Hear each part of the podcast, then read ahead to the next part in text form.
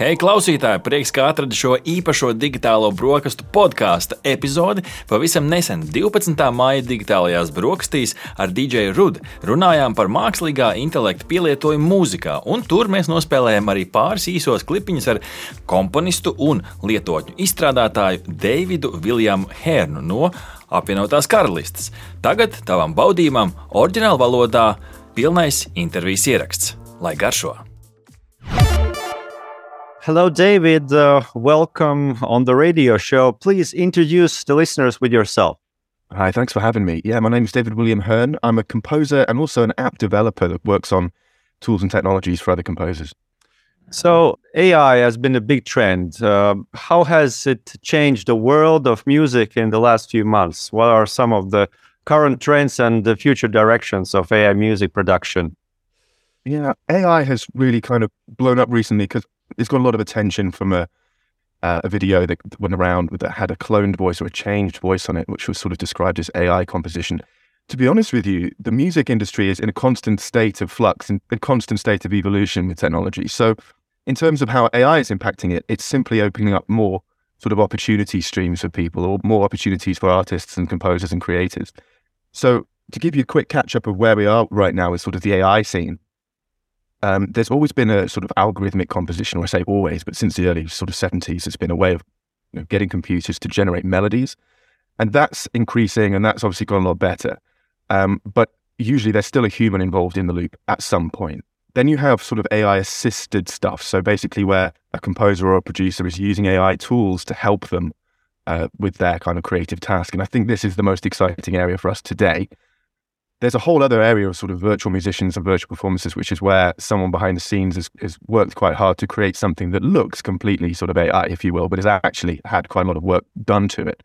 And what's really interesting about that is that we're getting into the, the realm and sector of sort of virtual celebrity. So, you know, maybe a singer or, or an artist that doesn't really exist and could be a number of different producers, a number of different artists. And that's super interesting and very exciting, actually, because it sort of globalizes the idea of of an artist. So you could have, you know, an artist in uh, US English who's also very, very successful in Japanese. It's quite difficult to get a real human being that can speak every language in the world, uh, but not so for an AI. And then there's things like outside of that, like in music education, there's a lot of really interesting things going on in, with AI. For me, one of the most interesting areas is is actually the copyright and royalties, which is the sort of the licensing aspect of it. And the music industry, pretty much like most industries when you get to it, is effectively a licensing industry. So when it comes to the scene that's and how, how people are thinking about the scene in the last few months, it's very much around how do we monetize this? How do we license this as artists? Uh, just following up on that, uh, the example of AI music that hit Latvia, uh, I think, like way was the production between uh, supposed Drake and supposed The Weeknd, uh, "Heart of My Sleeve" song.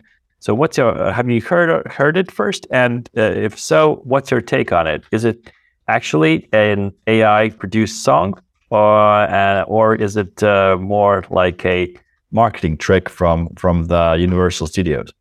I, I don't know the origins. Can't speak to the origins of it. Of course, I have heard the song. It is, of course, an AI assisted song. So the way these things work is that someone does a vocal that is a, an impression of Drake or an impression of The Weeknd or an impression of whoever you like.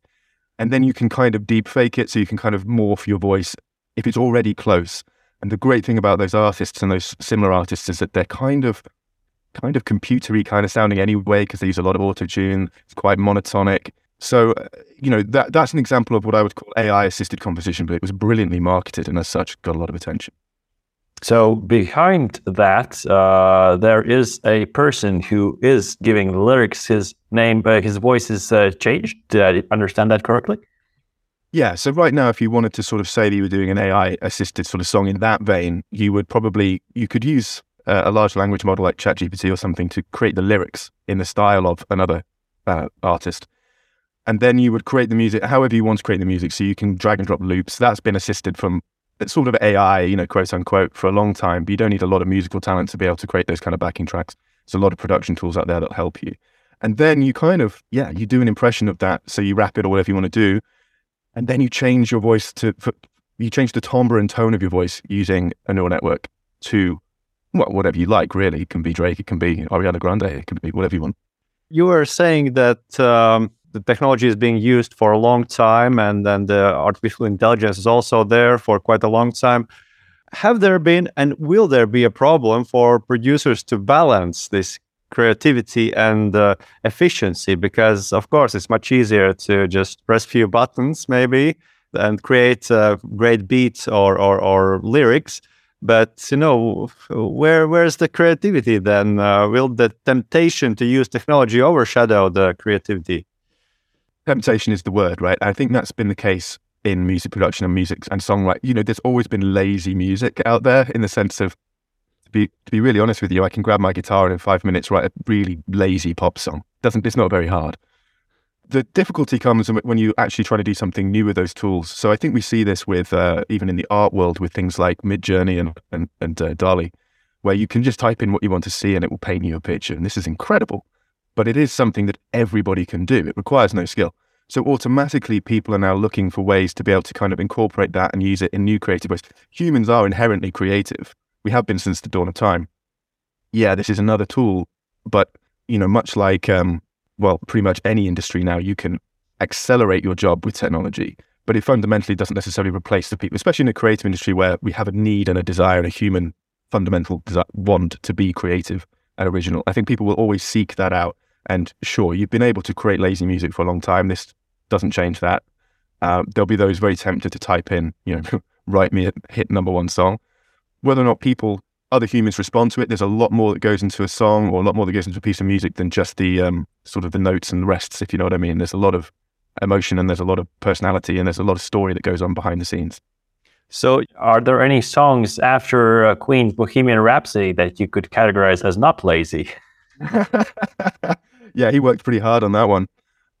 I mean, there's there's fantastic music out there, and there's also not fantastic music. I think that's going to be the the way. And if anything, I remember when we were kids, there was a lot less choice, right? And I think that's really the other area that AI and, music can kind of come together is helping to sift out the lazy music from the really good music for you. And everyone's preferences are different. And a fascinating application of AI for me personally is um, the idea of hyper personalization or something that's um, beyond the fact that, oh, you listen to some Ed Sheeran, you might like Snow Patrol, something that's hyper personalized that understands the time of day, your mood, maybe understands a bit about what you're doing that day and can energize you or pump you up for exercise routines or whatever automatically. It's a hyper personalized music, which is very interesting. So, what I wanted to ask is that, like, for becoming a musician right now or artist, so you must get an IT degree, then, as I understand, just to uh, be on the top level, or or you can do it without it. Yeah, I think that what we're seeing right now is the early days. Sort of, it's the pre-ChatGPT movement for AI music. So we're in the the point where you can do some crazy stuff with AI. It's not straightforward, and yeah, and, and I, a computer science degree would help you out.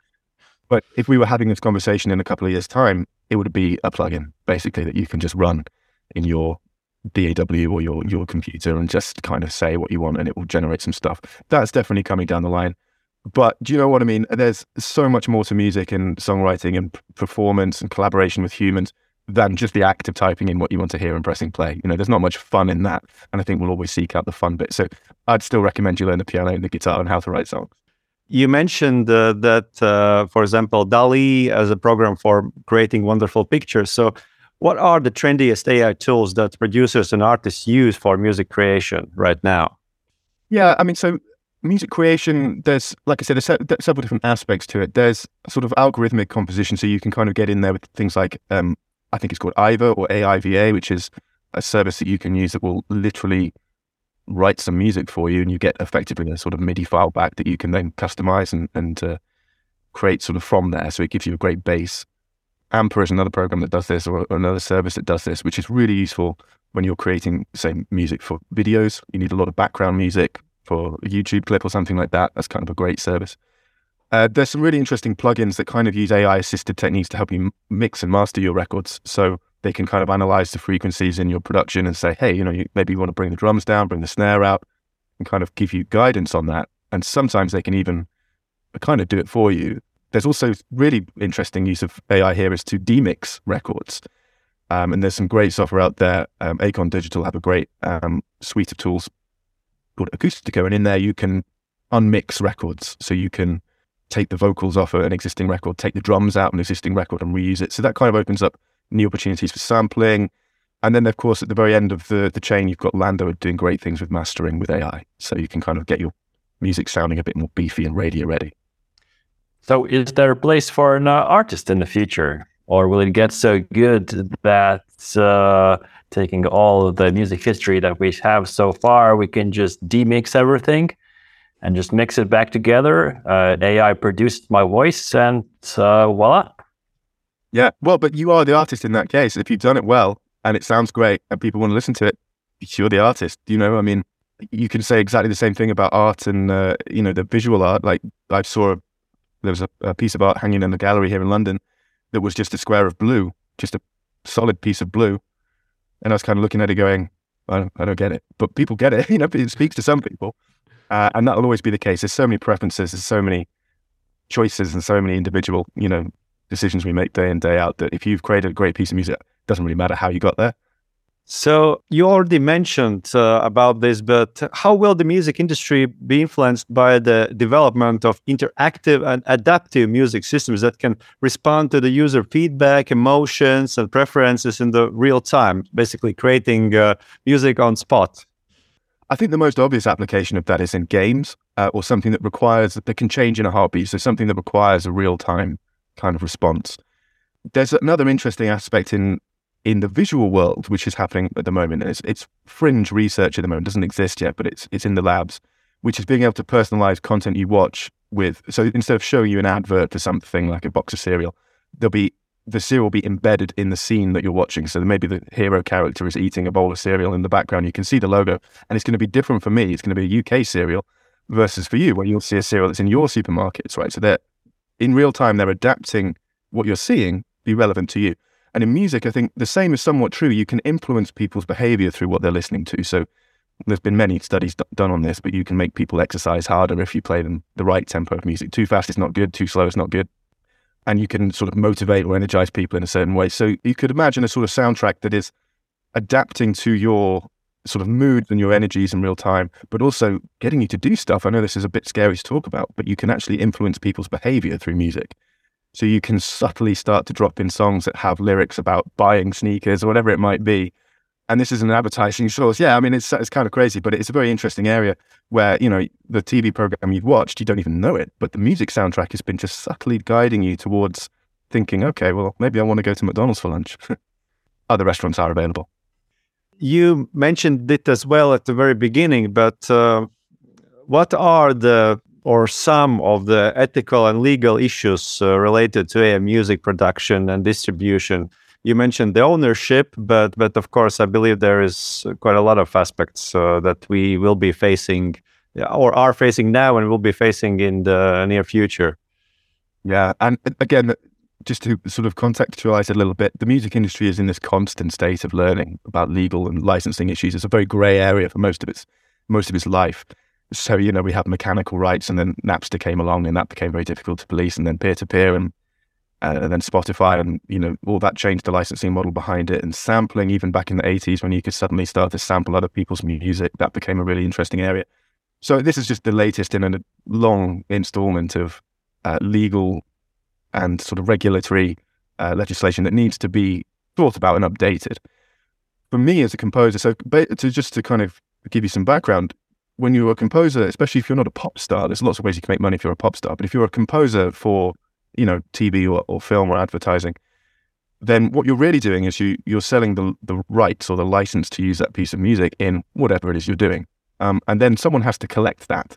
So at the moment, the collection agencies or the licensing agencies rely on people being really honest. They rely on people writing down the music they've used on their TV show, and they fill it out in a spreadsheet, and then they send it to the Performing Rights Society in the UK or, or there's other collection agencies in other countries. And they pay a fee. And then that fee gets kind of collected and eventually paid to me. Every quarter or something, I get a payment from the PRS. And uh, when you have maybe a, a future where kind of anyone can create music that is ambiguous in its origin. So, you know, who's really created this? Has the AI created this? Have I created it because I prompted the AI to create it? That's an ongoing sort of area of, of grayness because it might have used a lot of inspiration from somebody else. I could say, write a piece of music in the style of Chopin. And in that case, you're okay because Chopin's pretty dead, so he's not going to complain. But it gets much more grey if you say write a piece of music in the style of Ed Sheeran or something like that, because then this is passing off and that gets into that legal territory of sort of doing an impression and, and parody even. Then you get even deeper into rights and licensing issues when you get individual like artists that can change their voice to another artist. So who owns the voice rights? You know, in this has been solved in print and in video because there are image rights. You can sell your image and I don't need to be present for a photo shoot and you can stick my face on a can of cola or something. And you can, as long as you pay me, if you, you've licensed my image. The same is not true currently for voice. So whoever cracks the voice rights industry is, is onto a lot of money. If you're a lawyer out there, I would recommend looking at that. so uh, we're talking about AI coming into music, uh, people taking advantage of it. What's next big thing? Take a wild guess. I don't know how far you want to uh, want to go, but like, what's what's after this when this is normal? In in music or in just in general? In, in music, in music.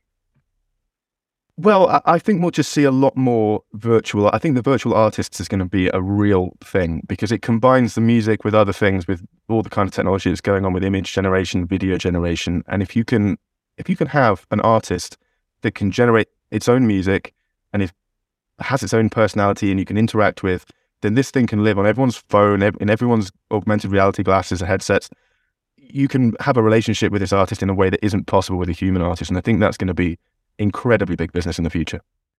So thank you, David, for this interview. It was amazing journey uh, into the trendiest uh, questions about uh, artificial intelligence in music. So thank you for your time. Thank you for having me. Aha! Paldies, ka noklausījāties mūsu līdz galam! Ja patika, uzspiediet like, atstājiet komentāru vai padalieties ar draugiem. Un nobaudiet arī citas epizodes, kā arī sekot mums, lai nepalaistu garām savu ikdienas tehnoloģiju ziņu devumu.